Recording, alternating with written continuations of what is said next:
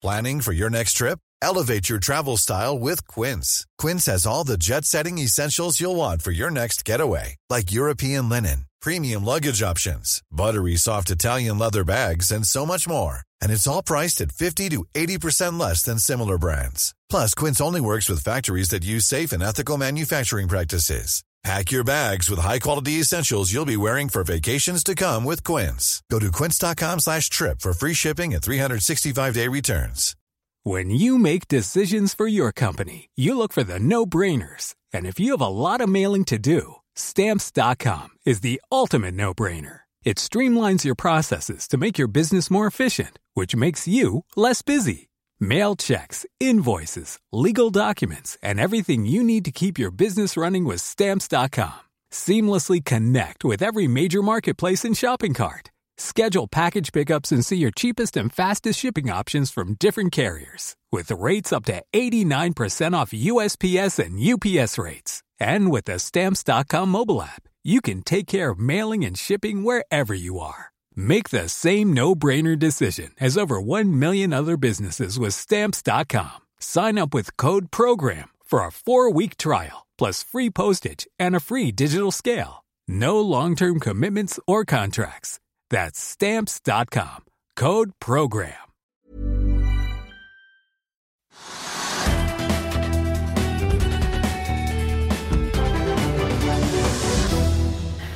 Oljeanalytiker Helge André Martinsen fra DNB.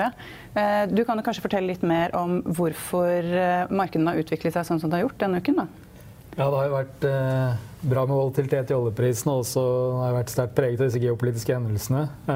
Det startet jo med at Egentlig hvis vi spoler litt tilbake da, til, til mot slutten av, 2019, hvor det ble hvor Iranske militsgrupper angrep en, en militærbase eh, i eh, Irak og drepte en amerikansk amerikansk eh, sivil kontraktør og også noen eh, irakere. Eh, og så har det på en måte da eskalert gjennom at amerikanerne svarte med angrep på en, disse militsgruppene.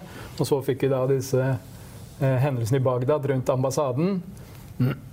Og så kom man til punkt hvor amerikanerne følte at vi måtte sette en strek i sanden. For dette her har jo på en måte Altså Vi tenker på at det er noe som har skjedd nå, men dette her, vi må egentlig spole lenger tilbake. Vi må spole helt tilbake til 2018, når uh, Trump trakk seg ut av atomavtalen, gjeninnførte sanksjoner mot Iran.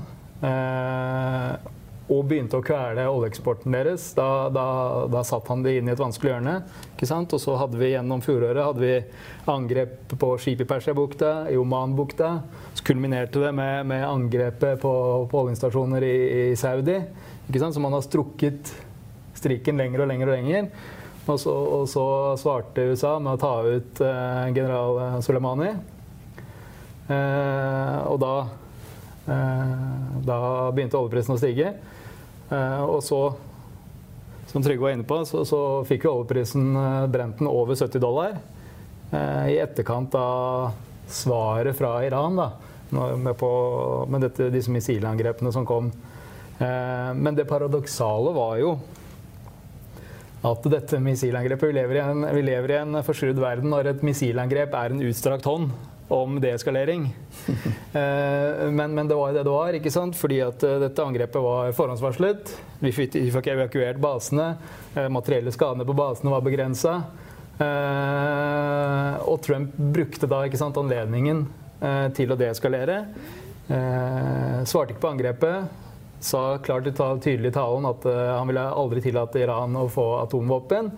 Men samtidig, ikke sant, slutt Sluttmålet til Trump er jo å få en avtale med Iran. Uh, og han på en måte roset jo også mulighetene landet hadde ikke sant, Uh, til å på en måte komme i en mye bedre økonomisk situasjon der vi har kommet tilbake til forhandlingsbordet. Uh, og det førte jo til at den risikopremien da, som vi kan kalle det, i oljeprisen falt betydelig. Og vi har gått fra oljepris som snek seg rett over 70 til nå rundt 65 eh, dollar igjen. Så er det selvfølgelig veldig vanskelig å, si hva, å kvantifisere dette risikopremieelementet. Da. Eh, men vi mener jo fortsatt at det er kanskje et par-tre dollar igjen av den risikopremien. Eh, for det som er, er, eh, faktum er at vi på en måte ruller inn i et svakere oljemarked sånn balansemessig i, i, månedene framover. Så, så, så, så, med mindre det skjer ytterligere uroligheter, så tror vi kanskje oljeprisen kan, kan skli enda et par dollar på, på deeskalering. Men, men det, er en, det, er en, veldig uanalyserbar situasjon. For det er umulig å, å, predikere om det kommer mer mer eh, aktivitet fra Iran. Jeg tror nok at det som vi så nå, er den måte, offisielle responsen. Det første angrep hvor Iran på en måte har vært tydelig avsender. Uh, mens nå kommer de antageligvis til å gå tilbake til mer sånn proxy-aktivitet. At det er kanskje med sjiamilitsgrupper rundt omkring som, som, vil lage litt trøbbel. Og de vil helt sikkert også akselerere atomprogrammet sitt. Og så er det en liten usikkerhet om, i hvert fall en diskusjon om hvem som er ansvarlig for at det Boeing-flyet ble skutt ned. da. Ja. 737 fly, at Altså, diskusjonen i går kveld Den canadiske statsministeren sa jo klart at vi har et retningsmateriale som tyder på at det flyet er skutt ned raketter. Og så sa Iran at nei, det, er, det er ikke snakk om, det er ikke, altså, det er ikke mulig. Så, det, så en debatt om det Hvis det skulle komme frem at uh, Iran har skutt ned det flyet, bevisst eller ubevisst, ikke nødvendigvis da, som forsett, så kan det medføre mer usikkerhet igjen. For da vet vi ikke helt hva da Trump eller andre kan bli tvunget til å gjøre. da. Nei da. Og man forteller jo på en måte, Det ser man jo tydelig at man forteller jo forskjellige historier her. ikke sant? At uh, Koalisjonsstyrkene har jo vært veldig tydelige på at ingen ble angrepet. Nei, ingen, ble, ingen døde under angrepene.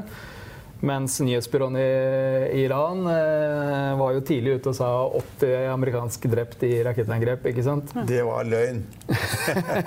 det var løgn.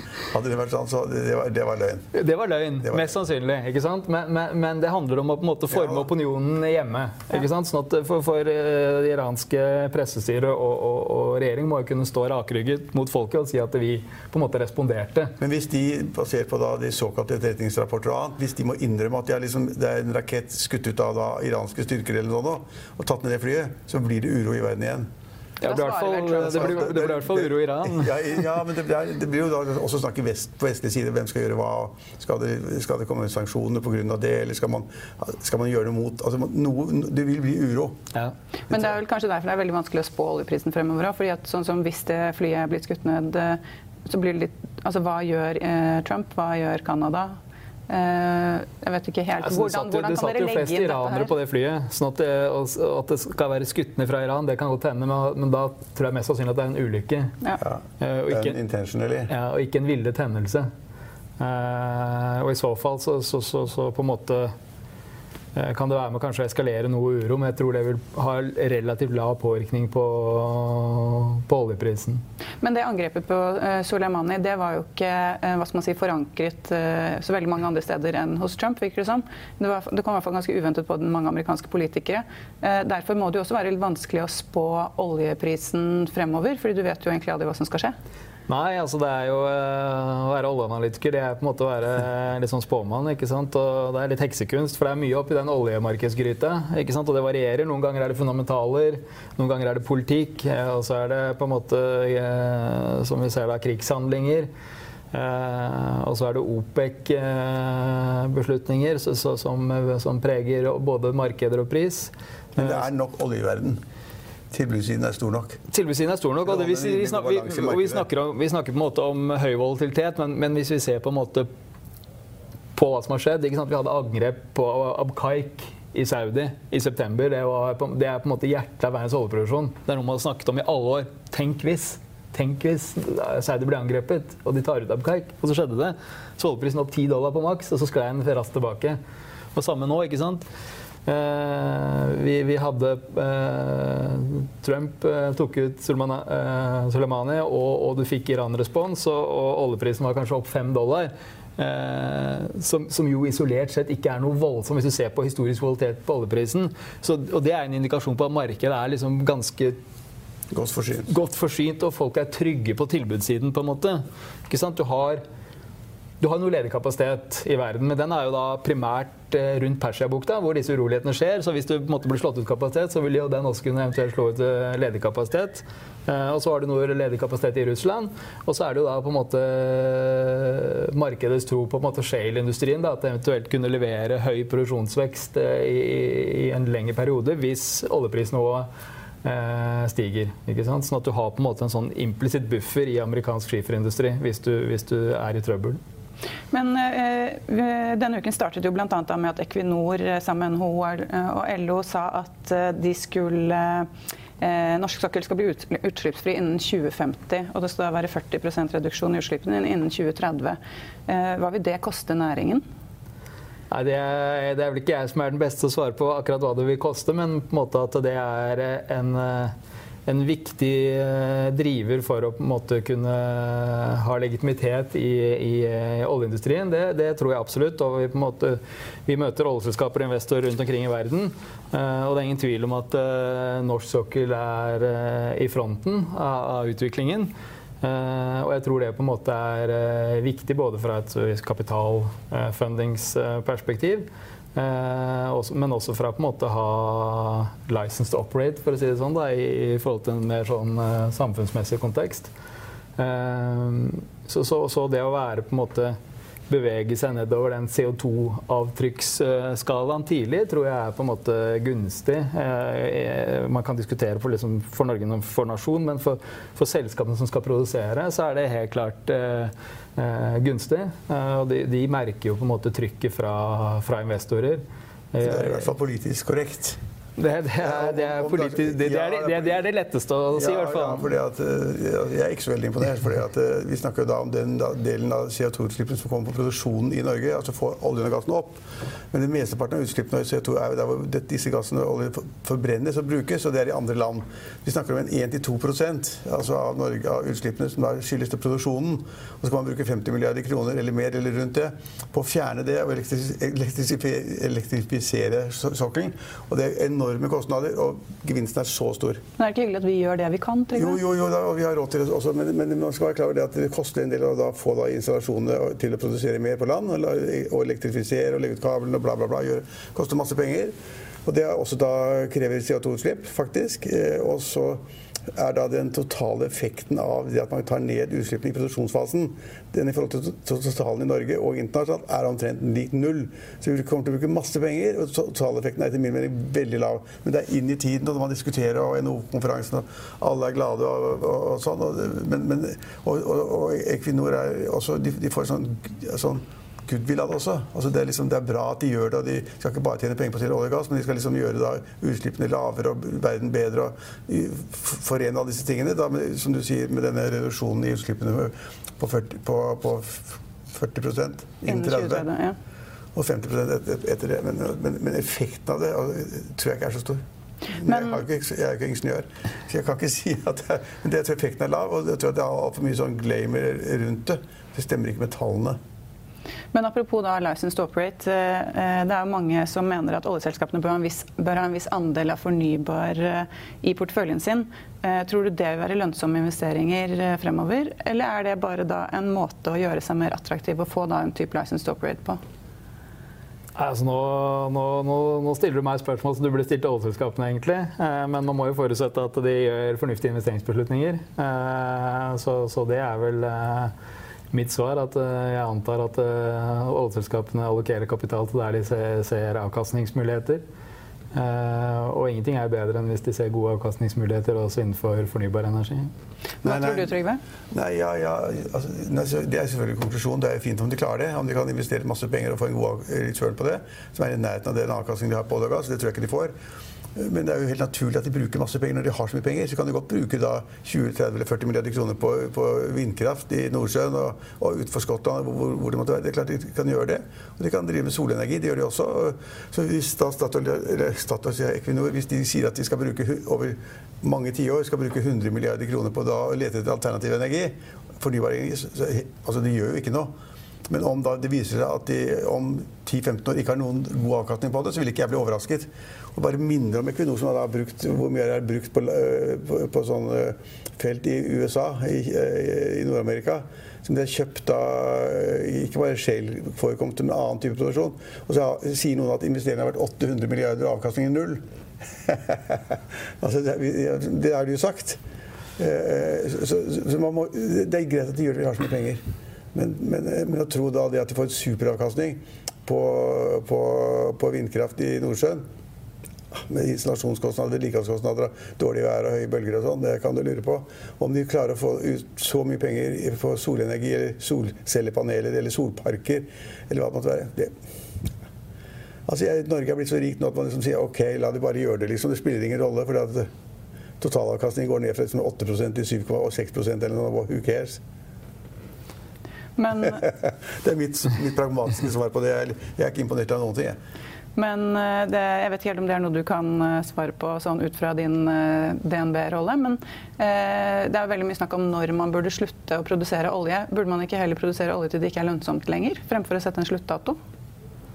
Det er et, uh, på, det er et mer politisk spørsmål. Da, hvordan, hvordan, du vil regulere norsk oljeindustri. Uh, så du har jo mange måter å, å, å, gjøre det på. Den ene løsningen er selvfølgelig å sette en sluttdato hvis man ønsker det. Eller så kan man jo på en måte la Eh, endringene på, på etterspørselssiden gjør jobben. Uh, og, og, det er ingen tvil om at det, det skjer uh, store endringer på, på etterspørselssiden de neste ti årene i, på, for olje og gass, hvor gassen på en måte primært blir truffet av fornybar energi, og så, så, på en måte blir jo oljeetterspørselen truffet sekundært da, gjennom elektrifisering av, av transportsektoren.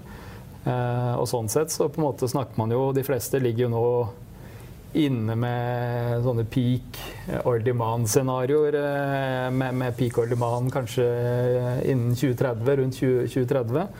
Eh, så er spørsmålet eller om man skal på en måte la oljeetterspørselen falle og styre da prisen og se egentlig hvem som ligger lavest på kostnadskurven og, og, og produsere i, henhold, i forhold til det. Men det er det gode svaret. Det er faglige svaret. Men altså, det er noe ordentlig tull. Å sette en eh, dato er noe tull, fordi det har vært snakk om da 25 eller sånn, eller 30. Og det er noe ordentlig tull, for du vet at Johan Sverdrup, som da satt i drift i oktober, og som offisielt innvidd for to-tre to, dager siden, de skal drive og operere i 50 år fremover. I 50 år, ikke 5 år eller 7 år. I 50 år, og Da skal totalinntektene være 1400 milliarder, og så skal nettoen til staten være 900 milliarder kroner. Du kan ikke sette noen dato på det. De, altså, de som da eierne bak, og delvis også staten, har jo rett til å produsere. De har brukt liksom 90 milliarder kroner på investeringer og sånt, i Johan Sverdrup. Og så skal de høste nå i 50 år fremover. Kanskje det blir 60. Jeg, jeg har i mange kommentarer skrevet at de kommer til å holde på i 30-40-50 år. Men nå er det, sier de selv, minst 50. Så, det er, det er noe ordentlig skikkelig tull. og Du må, du må ta det på, altså på etterspørselssiden. Og så må du ta det på kostnadene på å, lage, å drive, drive oljen ut. Hvis du innfører nye da, eh, avgifter eller skatter på produksjonen, da, eller, eller da inn i EU, at får, det er dyrere å produsere osv. være innenfor dette markedet, så blir det dyrere. I'll see you in court. Vi sier det ofte litt på spøk, men for deg som driver business, er det aldri moro å innse at du ikke har laget en 100% gyldig kontrakt. Du bør ikke risikere hele firmaet ditt fordi du synes dette med kontrakter er litt stress. En avtale er ikke en avtale. Du kan miste kunder, miste venner, ja, til og med miste inntekter om du ikke lager en skikkelig kontrakt, på alt mulig, egentlig. Men vi vet det er et styr. Kopimaskiner, tregprinter og haugevis av papir. Dessuten stoler vi jo på folk her i landet. Det er ofte litt kleint å skulle be om en signatur for alt mulig, ja, for mye av styret handler også om jakten på underskriften. Det finnes en enkel måte å løse dette på, Dukkobit, en trygg, effektiv og get this, gratis måte å sikre seg en god natts søvn pluss en juridisk bindende avtale. Dukkobit-appen har de strengeste sikkerhetskrav i bunn, samt en EU-godkjent og sertifisert teknologi. Framover vil det bli behagelig å spørre du, skal vi skrive under på det, eller? Kom i gang på dokobit.no. Blir det vanskelig for produsenten å tjene penger, så vil det automatisk da etter produksjonen svinne hen etter hvert. Så det er selvfølgelig mye bedre å gjøre på den måten. og Det er masse effekter du kan drive med på, på, på etterspørselssiden. Som da vil kunne da regulere hvor mye folk etterspør, og hvor mye man får solgt. Men å sette en dato, det er, det er sånn umodent ungdomssnakk. Men du er, på, du, er, du, er, du er, inne på et interessant element her ikke sant, i forhold til eh, rammebetingelser, skattebetingelser. For hvis man på en måte trekker de lange, de lange trådene her og ser på, på en måte en peak oil demand og forventer liksom en fallende oljeetterspørsel, så er det jo på en måte så blir det blir en konkurranse da, globalt. ikke sant? Hvem kan tilby olje til lavest pris? Eh, og da er jo, ikke sant, Oljesektoren er jo en, en sektor som har eh, generelt et veldig høyt skattenivå. Ikke sant? Sånn at vi, når vi snakker om break-even, snakker vi om break-even etter skatt. Ikke sant? Så, de ulike regionene, landene, har jo store muligheter til å, til å justere seg på, på, kostnadskurven, avhengig av hvordan de justerer rammebetingelsene. Sånn at Uh, Shale versus uh, norsk sokkel mot uh, Vest-Afrika, mot Midtøsten. Altså det, det, det, bildet kan endre seg ganske betydelig, hvis du avhengig av hvordan de ulike landene velger å, å, å, ja, kjøre sine sine skattebetingelser i forhold til sektoren. Men så kan det også tenkes at norsk olje gass eller olje altså er veldig populær om 10-20-30 år. Fordi den angivelig da produseres med lavere CO2-utslipp per, per, per, tonn eller, fa, eller, fat, eller hva man måtte si. Og hvis det er sant, jeg vet ikke, De sier jo det. Erna Solberg sa det, og Equinor sier det selv osv. At de produserer da olje som da har et veldig lavt utslipp av CO2 når de driver med det. Og Hvis det er sant, så kan det godt tenke seg 30 år frem i tid at norsk olje er mer konkurransedyktig enn all annen. annen olje da har større utslipp, og de vil da bli nektet å selge den eller produsere den, hva som helst. Så det lille, lille det vi produserer i Norge, har en kjempeetterspørsel ute i markedet. For man får ikke lov å kjøpe annen, tung, annen tungolje med mye større svovelinnhold eller store CO2-utslipp osv. Så, så kan man tenke at det da noen mener er at liksom, det er ulønnsomt å drive norsk olje. Man kan å stenge det med en gang, for om 20-30 år så, lov, så, er det ikke etterspørsel. Det kan godt tenkes det motsatte. Om 30-40 år så er det kjempeetterspørsel etter norsk olje, norsk olje og gass. Kanskje. Ikke vet jeg. Kanskje. Så jeg vil ikke liksom da liksom trukket meg ut av næringen fordi da ingen vil ha vår olje og gass om 30-40-50 år. Kanskje vi er mer etterspurt enn noen gang, hvis det er sant at, da, at oljen i miljøsammenheng er bedre enn annen olje. Men da burde man kanskje i hvert fall ikke trappe ned på investeringene, da. Hvis det skjer, altså investeringene går nedover, hva vil det ha å si? Må man på en måte trappe opp for å holde det i gang? Altså markedet, tenker jeg. Er du, på, er, du, på, Norge nå, eller? Jeg er på Norge. Ja, altså nå forventer jo, eller Oljedirektoratet forventer jo en litt sånn eh, at oljeinvesteringene faller litt tilbake i årene framover. Holder seg relativt bra i, i år. Og så og skli litt ned de neste årene. Men det er jo liksom en effekt av på en måte porteføljesammensetningen på, på norsk sokkel. ikke sant? At nå har vi lagt en del store utbygginger bak oss. Eh, og vi er, eh, skal gjøre ferdig eh, Sverdrup fase to. Eh, og så, så, så, ser det på en måte litt tynnere ut eh, i forhold til de store utvinningsprosjektene. Eh, du har vist inn i Barentshavet. Eh, og også denne prosjektet som Equinor og Aker BP har vært i mediene og kranglet litt om, rundt dette Alvheim og Krafla og Asja-området, som, som, er en potensielt stor områdeutbygging. Men vi er liksom avhengig av altså Sånn er det alltid i oljeindustrien. At du stort sett er avhengig av at den Hvis du, hvis du ser en investeringsforventning, så er de alltid fallende, og så kommer det nye funn, og så på en måte fyller du opp gapet. Eh, men, men det er ingen tvil om at eh, du ser på leteresultatene i Barentshavet, eh, hvor man på en måte tror at den dominerende andelen av norske ikke-påviste ressurser befinner seg, så har de vært ekstremt skuffende ja. i over mange år. Eh. Det er, det er, et veldig godt poeng. og Derfor sier noen at de kan bare fortsette å leve og tulle, lete tulle for Barentshavet, for de finner ikke noe. Bare, det kan tenkes igjen, jeg kommer tilbake til alternativer, det kan tenkes at han plutselig finner da, et Sverdrup til i Barentshavet. Og da har vi gående ti års forberedelser og installeringer og bla, bla, bla. Etter ti år så kan du kanskje begynne å produsere, og så kan du produsere i 50 år til. Da er vi 60-70 år frem i tid, da, hvor da norsk oljeindustri ville blomstre. For det ville være et kjempefelt, altså en ny elefant i rommet. Uh, og Det vet man ikke noe om. men det er, som du sier, det er et godt poeng. Er, hittil har man funnet lite, men hvis man plutselig fant det, og sånn er det ofte i olje og gass, så ville det bli helt fantastisk. Så, altså, når norsk olje- og gassnæring liksom går mot uh, solnedgangen, det har ikke jeg peiling på. Men jeg tror de som analyserer og holder på, bare går ut fra det at liksom, det er en tidslimit, og så stoppes det da. Eller at liksom, det er ikke noe å finne lenger, bla, bla, bla. Investeringskostnadene blir for høye, bla, bla, bla. De kan få seg en overraskelse en eller annen gang i tiden. Men det blir liksom, kanskje ikke min tid, men innen rimelig tid. Men det fordrer jo at de fortsetter å lete, da? Ja, men det, det har de så store skatteinsentiver til å gjøre. Mm. Så lenge da liksom staten tar store, tar store andre letekostnader, som de gjør i det systemet vi har, som jeg ikke skal gå inn på nå Eh, så vil det bli investert mye. Men, men det kan godt tenkes at totalinvesteringen i et år synker fra 140 til 120 milliarder kroner. eller noe sånt. Altså, det er masse slack.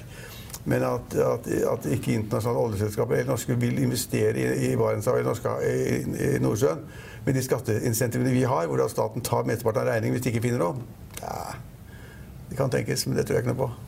Men hvis vi ser litt eh, på litt kortere sikt, da. Eh, det neste året, hva tror dere da? I forhold til oljemarkedet? Ja. Oljepris, oljemarked. Ja, vi har jo eh, vi, I utgangspunktet så, så, trodde vi jo på en litt, uh, litt fallende oljepris uh, i, inn i starten av året i år uh, pga. en svakere balanse. Og så kom jo da ikke sant, geopolitikken på toppen her, som er liksom vanskelig å kvantifisere og, og spå utfallet av. sånn at Eh, vi har egentlig ikke endret uh, noe prisanslag på de siste 6-9 månedene, hvor vi, hvor vi, har hatt 62 dollar uh, for Q1. Og så, så tror vi at balansen egentlig snur litt i, i, i år. At, for det som har skjedd, Hvis vi spoler litt tilbake og ser, ser, hva som har skjedd bak oss nå, så har det vært en fantastisk vekst, produksjonsvekst utenfor OPEC. Ikke sant? Du har hatt eh, amerikansk skiferolje har, har, produsert som bare det, og 2018 hadde vi altså, Veksten utenfor OPEC var 2,8 millioner fat per dag i 2018. Mm. Ikke sant? Den, den slår etterspørselsveksten med, med, med, med dobbelt så mye. Eh, og dette her er jo presset OPEC, så fra på en måte midten av, midten av 2017 så har det vært kanskje et sånn strukturelt press på OPEC ikke sant? for den, det vi kaller call on OPEC. Hva må, hva må OPEC produsere for å balansere markedet? Det har vært liksom i strukturelt uh, fall. Uh, og så har på en måte OPEC vært litt heldig, for de har blitt redda av sanksjonene. ikke sant? Iran-produksjonen har falt mye. Uh, Venezuela-produksjonen har falt mye. Og i tillegg så har de måttet, mått kutte litt. og så Eh, tror vi kanskje at det presset mot OPEC er i ferd med å kanskje eh, avta litt. Da. Eh, 2020 blir et år som blir fortsatt prega av høy noen av OPEC-vekst, men så tror vi kanskje etter 2020 at utsiktene for høy non-OPEC-vekst ser dårligere ut. Sånn at det presset på, på OPEC kanskje når sitt maksimale nå i første halvår. Eh, og at det er lettere å bli positiv til oljeprisen fra en tilbudsside eh, i, i årene etter 2020. Men hvor ser dere altså, Du snakket om 62 i første kvartal. Bare, bare, et kort svar, jeg også. For eh, det er et kjempeviktig spørsmål. Hvis man kan se bort fra de geopolitiske tingene Det kan man ikke. Men disse, så, så, så, er det veldig greit, for da vet vi jo det at OP har vært nødt til å innføre reduksjoner tilbudssiden, på tilbudssiden for å holde prisen oppe. Så det vet vi. Det er et kunstig grep. Eh, og de økte faktisk da det volumet som da skulle, tilbudssiden skulle reduseres med. Så vi vet det er mer enn nok olje. Det har vært mer shale enn noen hadde drømt om. Alle har bomma på det der nå i flere år. Eh, og så kan det godt tenkes at det går mot slutten, og at eh, det er så kostbart å drive det ut. og De kan ikke drive de som driver, og det er ubetalte regninger og dårlige balanser og alt det der. Men i, så, du kan jo ikke se bort fra mange av de faktorene man skal ja, men, men, men, jeg tror det at tilbudssiden har vært stor lenge, og at prisen burde falle. Og, jeg, og nå er det konsensus at oljeprisen vil ligge på rundt 65-66 dollar på fat, brent. Jeg trodde den skulle langt under 60, hvis man ikke hadde hatt all denne uroen rundt omkring. Så jeg tror på en svak oljepris. Men så kan det da bli endret av det at man da har Trump og tittemeldinger og angrep på raketter og hva, hva, hva, det måtte være, og, tatt, og produksjon i Irak og produksjon whatever. Men er, fundamentalt sett så er det for mye olje i markedet, og det presser prisen ned. Kunne tenke, man kunne tenke seg at oljeprisen da, hvis man ikke hadde hatt OPEX begrensninger, kutt i produksjonen, så kunne vi hatt en oljepris ned på 50 dollar fatet, og under det også. Men vi kommer sannsynligvis ikke dit, fordi det er så stor usikkerhet i verden. Men du tror det skal ned utover mot eh, høsten og slutten av året uansett? Jeg tror det, det, er lett å si at jeg tror prisen blir 65 dollar, for alle sier det. Og så er man reddet hvis man gjør ikke noen store feil. Men, men, jeg, men, det er helt avhengig av hvis det, blir nye, altså hvis det kommer nye raketter mot raffinerier i Saudi-Arabia, så har, har, vi det gående igjen. ikke sant? Også hvis da hvis man klarer å på en måte da skape en usikkerhet ved at tankskip låses inne, eller at produksjonen ikke kommer ut i, fra, fra Persisk Gulf og ut fra Hormuzstredet osv. Masse rart som kan skje. Eh, men, men, men etterspørselen vokser ikke så sterkt. Så, så altså tilbudssiden, du var inne på det, tilbudssiden har vokst mye kraftigere enn etterspørselssiden i det siste året i hvert fall. Eh, og Det gjør at det skulle vært press på prisen, og det ble det ikke pga. at man regulerer kartellmessig i markedet. Så jeg tror at oljeprisen skal ned, fortsatt.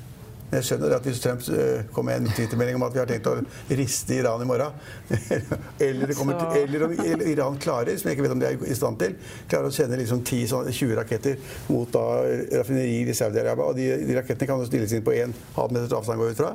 Den teknologien klarer å treffe barn, og da da kan du ta ut hva de vil. Og hvis de gjør det av en eller annen årsak, usmart hvis de gjør det, så går oljeprisen rett i været, selvfølgelig.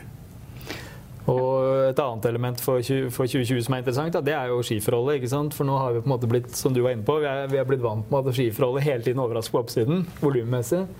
Eh, men nå har vi jo på en måte sett gjennom 2019 så har jo på en måte si, aktivitetsindikatorene eh, i amerikansk skiferindustri vært liksom på, på hell. ikke sant? På riggtellingen betydelig ned gjennom hele, falt gjennom hele 2019. Og disse, eh, disse fracking-crewene også falt kraftig fra midten av 2019.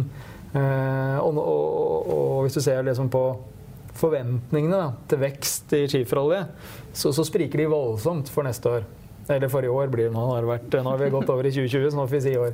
Eh, hvor kanskje de mest pessimistiske aktørene sier at eh, amerikansk skiferolje kommer til å vokse med 300 000 fat. Og så har du de mest optimistiske som sier at nei, det kommer kanskje opp mot halvannen million fat eh, også i, i, i år.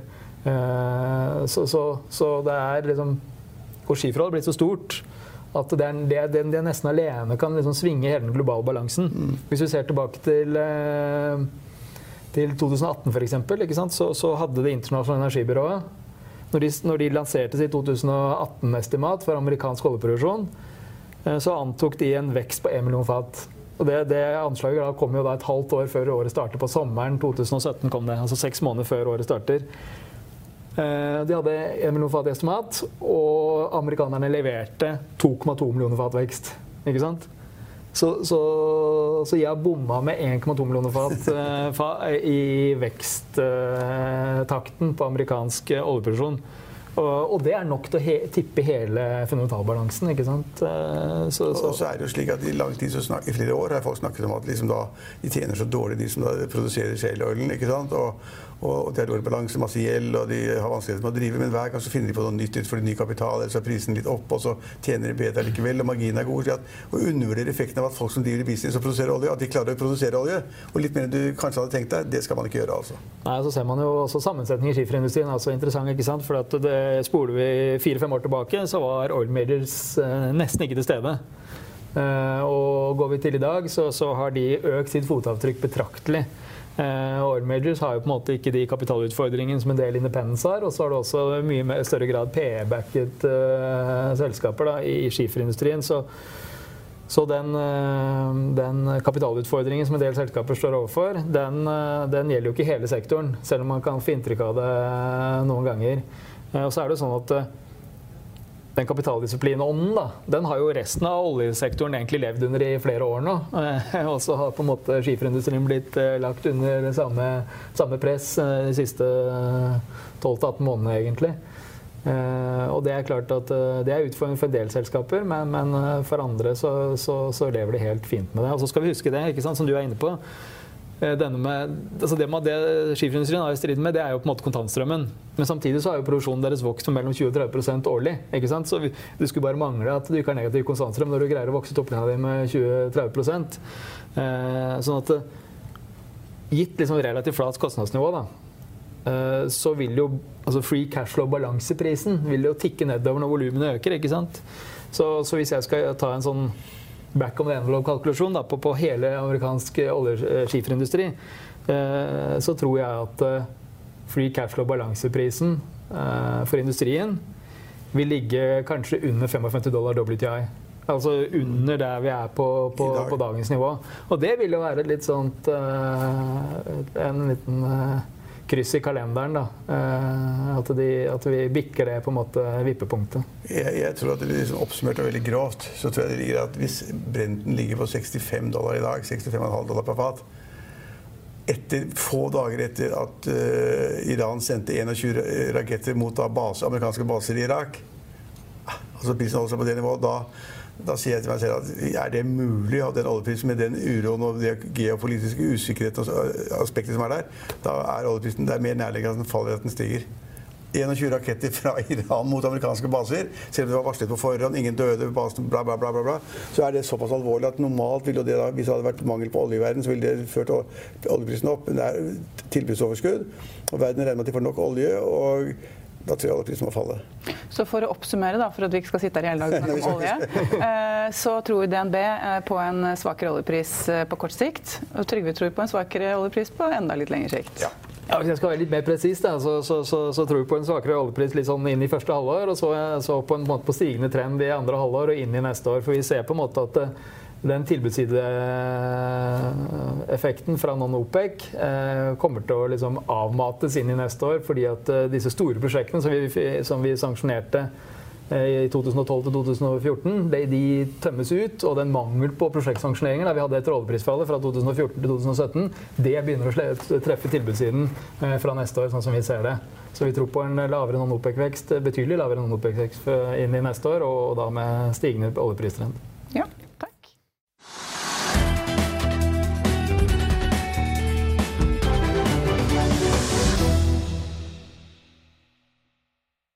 Økonominyhetene er en podkast fra Finansavisen. Programledere er Marius Lorentzen, Stein Ove Haugen og Benedikte Storm Bamvik. Produsenter er Lars Brenden Skram og Bashar Johar. Og ansvarlig redaktør er Trygve Hegnar.